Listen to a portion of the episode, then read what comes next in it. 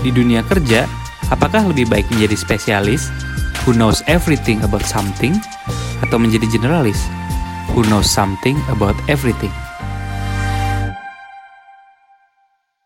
Hai guys, welcome to Decision Making Podcast with me Irfan Agia. Sebuah podcast tentang bagaimana kita bisa lebih baik dan juga lebih bijak dalam mengambil keputusan dalam kehidupan kita sehari-hari. Dibahas dari berbagai perspektif terutama keilmuan psikologi dan behavior science. Karena hidup adalah akumulasi dari pilihan-pilihan yang kita ambil. Summary dari setiap episode di podcast ini akan selalu gue share juga di Instastories. Jadi nanti bisa cek aja di Instagram at irfan underscore agia. Oke, di episode ke-27 ini kita bakal bahas tentang lebih baik mana sih jadi spesialis atau jadi generalis. Nah, ketika kita akan membangun karir, kita sering dihadapkan sama pilihan-pilihan. Salah satunya adalah kayak kita mau kerja di bidang apa ya? Apakah kita harus memilih pekerjaan yang sesuai dengan latar belakang pendidikan kita atau enggak? Atau mungkin ada yang punya kecemasan sendiri. Kayak, wah background pendidikan saya ini umum banget. Contohnya kayak lulusan S1 manajemen, psikologi, atau ilmu komunikasi gitu ya. Kan banyak tuh skop kerjanya. Membangun karirnya harus gimana ya? Mulai dari apa ya? Atau mungkin, waduh, jurusan kuliah saya ini dulu spesifik banget. Misal kayak arsitektur, geologi, atau astronomi gitu ya. Nah, kira-kira bakal sempit gak ya skop pekerjaannya kalau terlalu spesifik gini? Nah, kalau di dunia kerja, itu biasa kita dengar ada dua istilah yaitu orang spesialis yang skop kerjanya itu spesifik kayak tadi ya arsitek gitu ya. Dan ada juga generalis yang skop kerjanya tuh luas. Nah lebih baik yang mana nih di antara kedua ini? Apakah betul ada pilihan yang lebih baik gitu ya di antara kedua ini? Sebenarnya ini adalah pertanyaan yang sering banget jadi topik bahasan di dunia pekerjaan. Nah is it better to have a deep specific subjects atau skill set atau kita bisa collect broad knowledge dan kita bisa punya banyak variasi skill walaupun tidak begitu mendalam seperti spesialis. Nah, definisinya kita coba bahas dulu dari spesialis dan generalis. To make it simple, ini adalah definisi dari keduanya. Spesialis ini adalah orang yang know everything about something Oke, okay? jadi spesialis ini knows everything about something. Jadi dia tuh tahu banyak banget hal tentang satu subjek tertentu. Gitu. Misalnya kalau kita nanya sama arsitek gitu ya. Dia pasti tahu banyak tuh gitu untuk cara misalnya bangun rumah, desain seperti gimana gitu ya dan itu spesifik banget gitu ya kalau arsitek. Nah, kemudian yang kedua ada generalis. Nah, generalis ini kebalikannya Jurnalis ini know something about everything. Dia tahu beberapa hal, walaupun gak mendalam, tapi di banyak hal. Contoh misalnya orang marketing. Gitu. Ya. Orang marketing itu tahu banyak tentang misalnya cara bikin campaign gitu ya. Atau cara bikin misalnya untuk bikin survei kepuasan pelanggan misalnya. Mereka tahu beberapa hal, tapi nggak mendalam, nggak mendalam seperti kayak tadi, nggak mendalam seperti orang campaign atau orang researcher gitu ya khusus untuk survei. Tapi mereka tahu banyak hal. Gitu walaupun nggak ada spesialisasi khusus. Mereka ini jagonya di mana sih sebenarnya area yang paling kuatnya. Nah sekarang kita coba cek masing-masing kelebihan dan kekurangannya. Nah kita coba mulai dari jadi spesialis dulu. Nah jadi spesialis ini ada pro dan kontranya juga. Nah pro-nya adalah yang pertama. Mungkin ini udah jadi rahasia umum juga ya untuk orang-orang yang udah terjun di dunia kerja gitu. Ya. Nah, si spesialis-spesialis ini dia punya ability lebih dan kesempatan lebih untuk earning more money.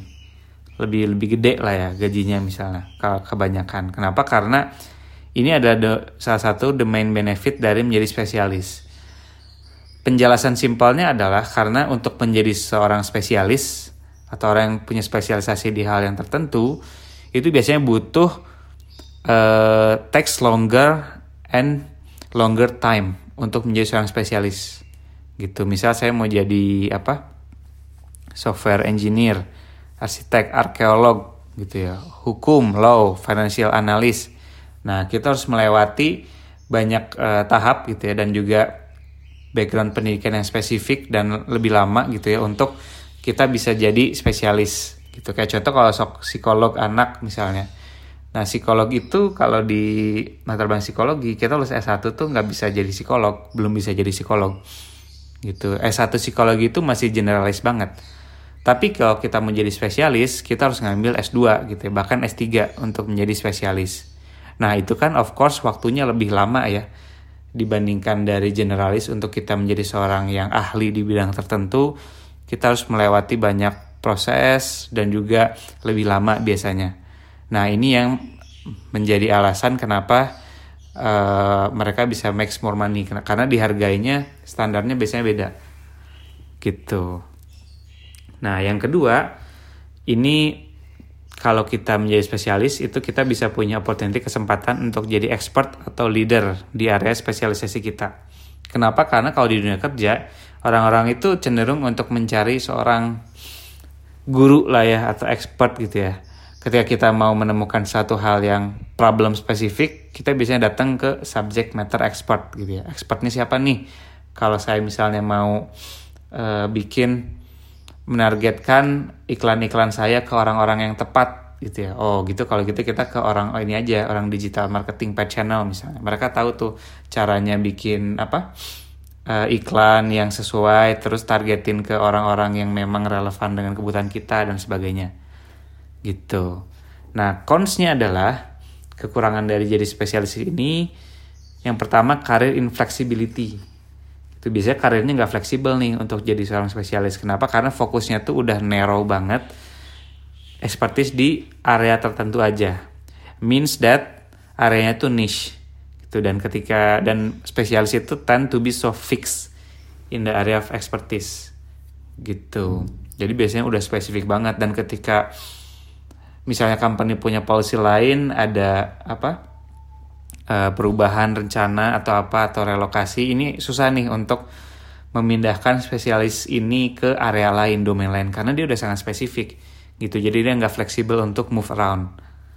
Itu yang kedua adalah resiko untuk menjadi obsolete gitu ya. Resiko untuk uh, sebenarnya spesialisasi di bidang itu mungkin di beberapa tahun ke depan sudah tidak dibutuhkan lagi misalnya. Jadi ada resiko itu untuk being replaced misalnya mungkin by dari teknologi gitu ya. Nah, seperti ini akan susah ketika misalnya si areanya itu udah bisa digantikan oleh mesin misalnya, oleh bisa digantikan oleh teknologi atau diganti udah bukan jadi monopolinya uh, background mereka lagi. Ini akan susah ketika mereka tidak mencoba beradaptasi gitu ya, karena mereka spesifik banget skill setnya gitu. Nah, sekarang kita coba ke yang generalis. Nah, pro-nya generalis ini adalah mereka ini lebih paham dan bisa lebih lihat bigger picture. Gitu. Karena di dunia sekarang yang sangat interconnected gitu ya dengan kita ketemu banyak different people working together gitu ya. Kita ketemu banyak orang background berbeda-beda.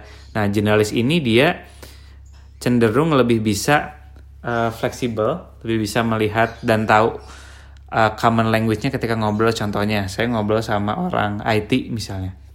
Nah sebenarnya saya nggak paham-paham banget IT sih, saya nggak nggak punya knowledge yang kuat di IT, tapi ketika ngobrol sama orang IT, ya saya paham lah, gitu, paham lah uh, beberapa uh, bahasanya. Misal ngobrol sama researcher, oh tau lah bisa pakai, kalau nggak salah pakai SPSS ya, misalnya untuk olah datanya, oh atau metodenya kuantitatif ya, walaupun sebenarnya si generalis ini tuh nggak punya deep knowledge tentang quantitative research misalnya, tapi mereka bisa bisa ngobrol gitu ya bisa uh, berkoordinasi dengan banyak area area-area tim lain.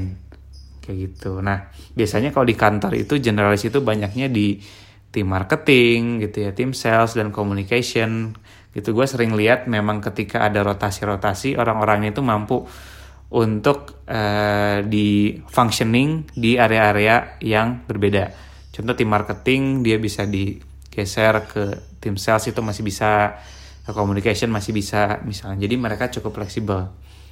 Gitu.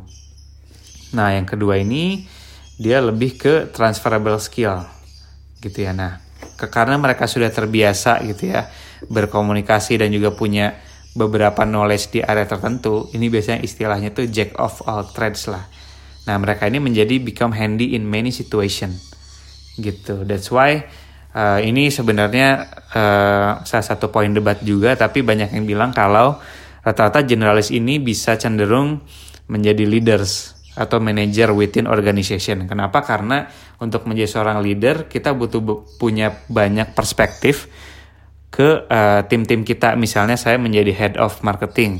Di bawah saya ada tim research, misalnya ada tim communication, ada tim campaign, ada tim paid channel. Nah, walaupun gue tidak menjadi expert di setiap bidang itu, jadi sebagai leader gue tidak harus menjadi yang terpintar di semua uh, divisi ini. At least gue tahu ketika ngobrol sama orang paid channel itu gimana, ketika ngobrol sama orang campaign gimana, ketika ngobrol sama orang kreatif itu gimana, gitu.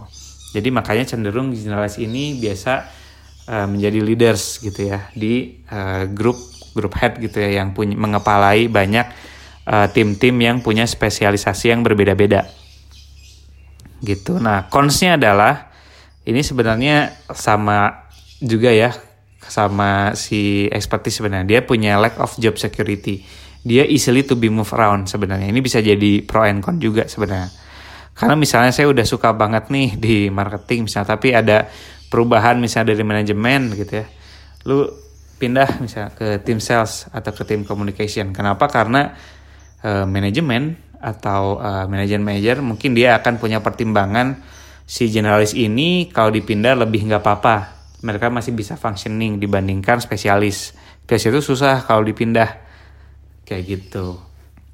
Nah, yang kedua yaitu tadi jenis ini dia tidak punya keahlian yang spesifik banget gitu. Sehingga uh, orang tidak tidak tidak biasanya nggak tahu nih orang ini tuh jagonya di mana sih gitu. Jadinya jadi kayak palu gada aja si jenis ini tuh. Jadi apa lu mau gua ada lah kayak gitu Nah, setelah kita udah tahu nih pro and cons-nya gimana menjadi seorang spesialis dan juga menjadi generalis. Nah, kira-kira mending pilih yang mana ya? Yang mana sih yang banyak dicari perusahaan? Jawabannya, employers atau perusahaan itu hire both. Perusahaan selalu mencari kedua tipe orang spesialis dan generalis ini. Nah, untuk lebih bagus yang bagus yang mana, jawaban yang bisa gue kasih sekarang adalah di zaman sekarang, terutama industri 4.0 atau 5.0 menuju segala macam di era yang kita tuh fast banget changingnya dan banyak banget new job new job yang bermunculan. Dan kita dituntut untuk agile it's not a choice anymore untuk menjadi spesialis atau generalis. Itu udah bukan pilihan lagi kita mau jadi yang mana.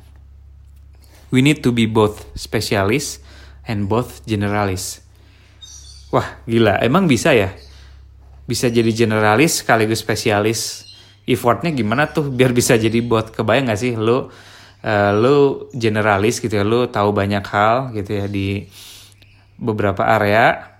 Tapi lu juga punya spesialisasi, lu juga expert di bidang tertentu. Nah, dalam satu pekerjaan, unique skill set itu penting banget. Kita harus bisa membedakan diri kita dengan orang lain gue ini sebenarnya jagonya di area mana sih? Saya tuh expertnya di scope area apa? Sehingga kita bisa punya chance lebih besar untuk menjadi reliable di tempat kerja. Jadi go to-nya orang-orang ketika uh, ada ada problem atau butuh discuss gitu ya. Dan manajemen itu bisa rely dengan kita karena kita punya unique skill set. Kita butuh punya spesialisasi di mana pun tempat kita kerja. Tapi ada satu faktor yang harus kita punya yang bisa kita dapatkan dari seorang generalis, yaitu kemampuan beradaptasi terhadap perubahan, which means career flexibility. Nah, generalis ini tuh bisa jadi fluid dan agile di tempat kerja, karena mereka itu bisa functioning dan ditempatkan di beberapa area. Nah, statement atau quote yang harus selalu kita ingat, itu saran gue adalah dari Charles Darwin, yang menurut gue akan selalu relevan di zaman mana pun gitu ya. Di beberapa tahun ke depan ini akan masih sangat relevan. It's not the strongest or the most intelligent who will survive, but but those who can best manage change. Bukan orang-orang yang paling pintar, bukan orang-orang yang paling jago di suatu hal yang bisa survive. Tapi adalah orang-orang yang bisa menghadapi perubahan atau beradaptasi. Kata kuncinya adalah adaptasi. Nah, sekarang gue coba tanya, apa kira-kira persamaan dari, dari lima profesi ini? Satu, app developer. Dua, social media manager. Tiga, cloud computing specialist. Empat, big data scientist. Dan yang kelima, YouTube content creator. Kira-kira apa persamaan dari kelima pekerjaan ini? Jawabannya, none of them existed 15 until 20 years ago. Pekerjaan-pekerjaan ini gak ada sebelumnya. Di 10, 15 sampai 20 tahun ke belakang tuh gak ada. Gitu bayangin kalau kita punya power gitu ya. Power untuk bisa tahu go back in time. Terus kita tahu nih, oh nanti lima pekerjaan itu bakal hits banget, bakal banyak dibutuhkan orang, gitu ya, bakal banyak dicari. Kita bakal master di skill dan kita akan menjadi one of the best, gitu ya, ketika uh, tren ini tuh udah mulai muncul, gitu. So kita sebenarnya kita harus tahu nih skill apa dan juga area apa yang akan menjadi available di 10 tahun ke depan.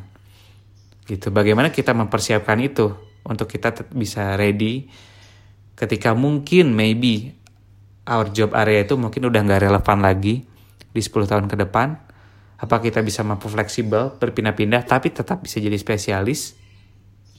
Nah jawabannya sekarang mulai sekarang kita harus menjadi polymath to survive the environment of accelerating change. Nah nanti kita akan bahas bentar lagi tentang polymath ini tuh apa. Kenapa? Karena uh, suka atau tidak kita akan punya karir yang banyak. Di 5-10 tahun ke depan tuh we're going to have a dozen of careers. Dan each one ketika kita mau berkarir itu going to require new skill. Nah polymath ini yang sempat kita bahas tadi adalah uh, kalau kita bahas dari sisi kalimatnya ada polymath itu dari kata poly yaitu many dan math itu learning. Nah polymath ini kalau dari ba dari bahasa Yunani Greek itu adalah having learned much. Orang yang banyak belajar, many learning. Kode bahasa Latin adalah homo universalis, orang yang universal.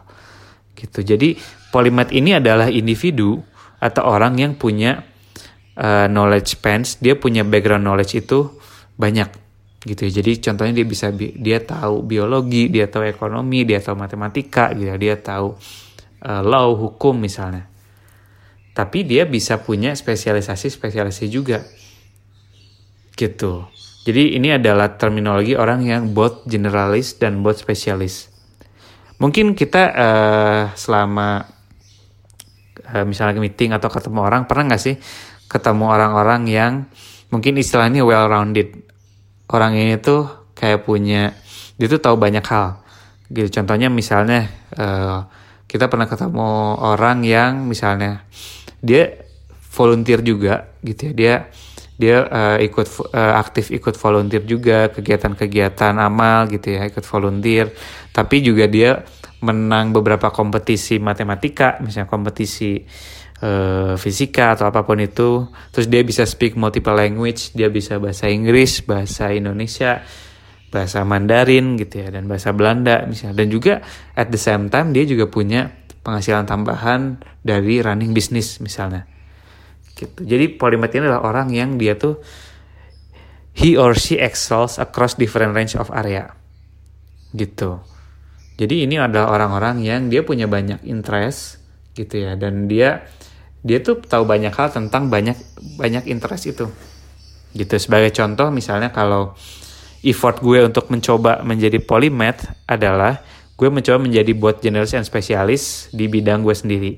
Contohnya, sebagai researcher di suatu company, gue support banyak tribe atau banyak divisi.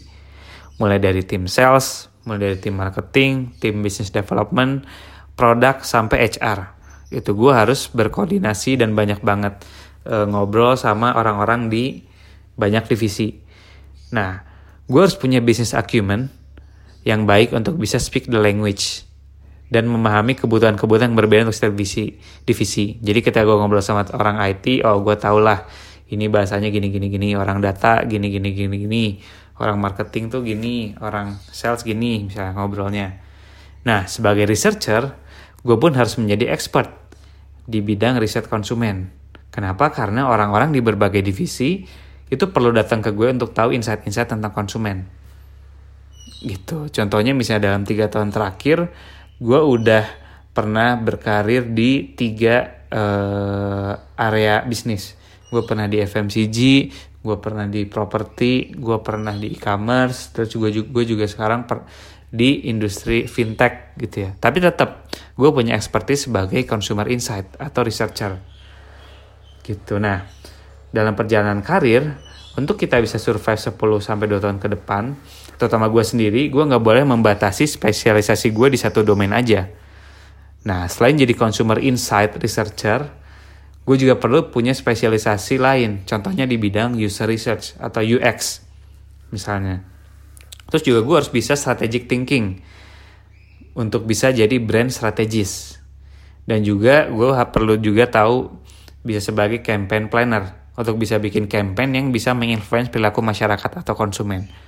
Sehingga ketika beberapa tahun ke depan gitu ya, misalnya gue udah tidak valuable di consumer insight atau mungkin passion gue berubah, gue easily can switch to misalnya gue bisa jadi brand strategis, gue bisa jadi UX lead researcher, gue bisa jadi campaign planner, campaign for social change gitu. Jadi ini menja bisa menjadi kunci untuk uh, gue survive misalnya kalau konteksnya gue sekarang. Tapi tetap gue punya core sebagai generalis gitu ya dengan keilmuan gue psikologi dan behavior science gitu. Jadi You can have the most valuable skill set in the world, but if everyone also has the skill set, then you become a commodity. Nah, untuk menjadi seorang polymath gitu ya, kita bisa mendevelop unique skill set yang mungkin sedikit orang punya. Tapi tetap kita bisa juga punya uh, sebagai generalis, kita punya background knowledge atau background atau pendidikan yang memiliki banyak span area gitu. Dan gue punya belief bahwa people who have many interests are more likely to be successful. Gitu gue percaya orang-orang yang punya banyak interest, mau banyak belajar di, gak membatasi diri di area-area tertentu aja, itu punya chance besar untuk successful dan juga adaptable di 5 sampai 10 tahun ke depan. Gue believe the future belongs to integrator. Orang-orang yang punya banyak interest dan area of knowledge dan bisa mengintegrasikan pengetahuan-pengetahuan yang berbeda-beda ini untuk jadi beberapa spesialisasi yang dia kuasai. Yaitu dia tuh menjadi polymath ini sebenarnya. Gitu. Nah, contoh jadi polymath ini adalah dulu mungkin orang selama beberapa ratus tahun, seratus tahun terakhir tuh belajar biologi dan sosiologi itu sebagai suatu uh, keilmuan yang berbeda. Tapi belum ada orang yang studied them together dan mengintegrasikan kedua keilmuan ini tuh menjadi new discipline. Sampai researcher yang namanya E.O. Wilson itu pioneering the field of sociobiology di tahun 1970. Dia mengkombinasikan sosiologi dan biologi. Gitu. Terus juga ada lagi keilmuan yang digabungkan gitu ya, sintesis adalah ekonomi dan psikologi. Menjadi behavioral ekonomi. Gitu bayangkan banyak sekali uh, apa background-background knowledge yang akhirnya bisa diintegrasikan untuk menjadi new skill set baru gitu kita juga punya uh, modern tech heroes gitu ya di zaman kita yaitu seperti kayak Steve Jobs yang dia famously combine design dengan hardware dan software dulu nggak pernah kepikiran gitu orang menggabungkan keilmuan desain dengan hardware dan software gitu Terus juga Elon Musk. Wah ini orang menurut gue benar-benar the modern polymath lah. Polymathnya di era kita sekarang. Dia bisa mengcombine understanding dari fisika, engineer, programming, desain, manufaktur, dan juga bisnis. Untuk bikin banyak uh, beberapa multi-billion dollar companies in completely different fields. Bayangin, dia bisa bikin perusahaan yang dia tuh successful, multi-million multi-billion dollar tapi di industri yang berbeda-beda. Gitu. Jadi ada cerita dari apa? artikel yang dibuat membahas tentang si Elon Musk ini yang cerita tuh adiknya si Kimball Musk gitu. Nah itu cerita kalau brothernya si Elon Musk itu dari kecil dari uh, SD SMP gitu ya. Dia tuh bisa baca buku dua buku per hari. Nah bukan hanya itu dua buku per harinya itu dia punya various disciplines. Gitu. Jadi bukunya tuh berbeda-beda subjeknya. Jadi pertama katanya kata si Kimball Mas ini si Elon Musk itu dia baca dari science fiction, filosofi, agama, programming, biografi, engineer dan entrepreneur. Di awal-awal dia senang baca buku. Nah, as he got older, setelah dia mulai mulai apa mulai dewasa, dia punya reading interestnya di fisika, engineer, product design, bisnis, teknologi, dan energi. Gitu lo bisa bayangin dia punya banyak banget pengetahuan di field yang berbeda, tapi dia juga bisa spesialisasi di banyak hal gitu. Nah, kunci dari si Elon Musk ini kata si Kimbal Mas adalah learning transfer. Dia ini bisa membuat mental model gitu ya. Oke, fisika itu core ilmunya ini, desain itu core ilmunya gini. Oke, setelah gua mapping, ini sebenarnya ada hubungannya loh. Ada transferable learning antara fisika dan juga desain gitu. Setelah itu dia menggabungkan, mensintesiskan menjadi keilmuan baru misalnya dan dia dan dia menjadi spesialis di bidang yang baru itu. Gitu. Jadi it's all about learning attitude dan juga how to put that learning in the in the new context. Gitu. Jadi kalau kata Leonardo da Vinci, study the science of art and study the art of science. We have to develop our sense.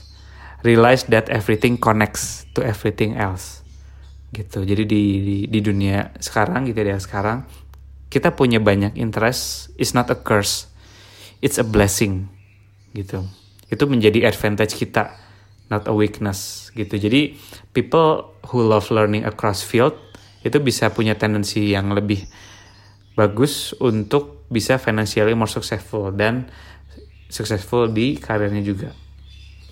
Ada yang bilang kalau if you want to have something extraordinary in life itu ada dua cara. Pertama, you become the best at one specific thing. Lu menjadi the best di satu area tertentu. Atau yang kedua, you become very good, top 25%, top 10% lah, at two or more things. Lu jadi very good di banyak hal. At two or more things. Gitu. Jadi bisa dipilih dan polymath ini dia bisa mengintegrasikan kedua itu walaupun tidak ekstrim jago banget di semuanya itu that's not make sense. But the point is we need to have multiple different domain multiple interest kita harus tahu banyak hal di banyak domain. Kayak gitu. Kenapa take it or leave it dan suka atau nggak suka ke depannya akan banyak sekali kita menghadapi perubahan. Dan kita tuntut untuk bisa adapt. Gitu Nah, jadi gimana sih caranya kalau gitu first step untuk menjadi seorang polymath ini? Pertama adalah develop the curiosity and learning attitude. Be curious and open to learning. Gitu. Jadi polymath ini dia tidak termotivasi untuk belajar atau mencari tahu baru untuk impress orang, enggak.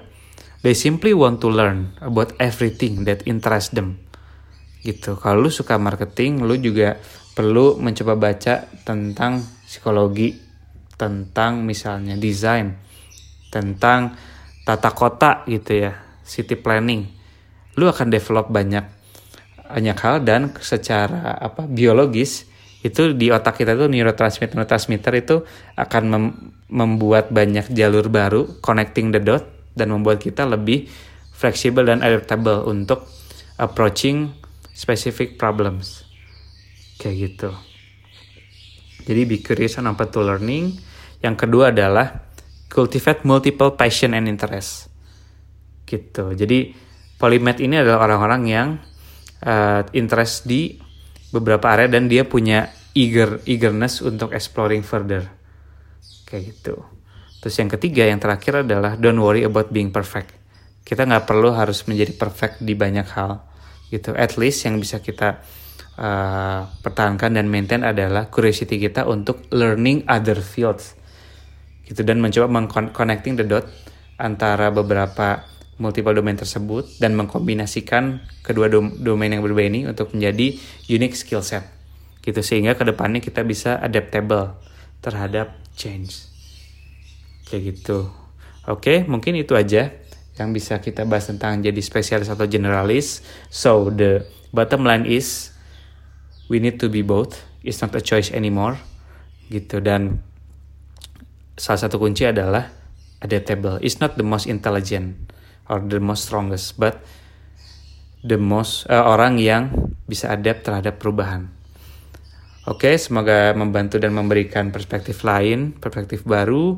I hope we can meet again di next episode, di episode 28. Di next episode gue bakal bahas tentang cashless society. Gitu tentang, kan sekarang sering banget nih kita lihat orang-orang udah mulai bayar-bayar tuh udah minim pakai uang tunai, udah mulai digital, udah mulai cashless. Terus juga karena di drive sama promo-promo cashback segala macam. Tapi apa sih impactnya? Dan apakah benar kita bisa menjadi pure cashless society? Nextnya dan dan apa apa itu mempengaruhi dengan konsumtif kita dalam belanja dan mengatur keuangan. Oke jadi nextnya kita bahas di episode 28 see you in the next episode. Thank you for listening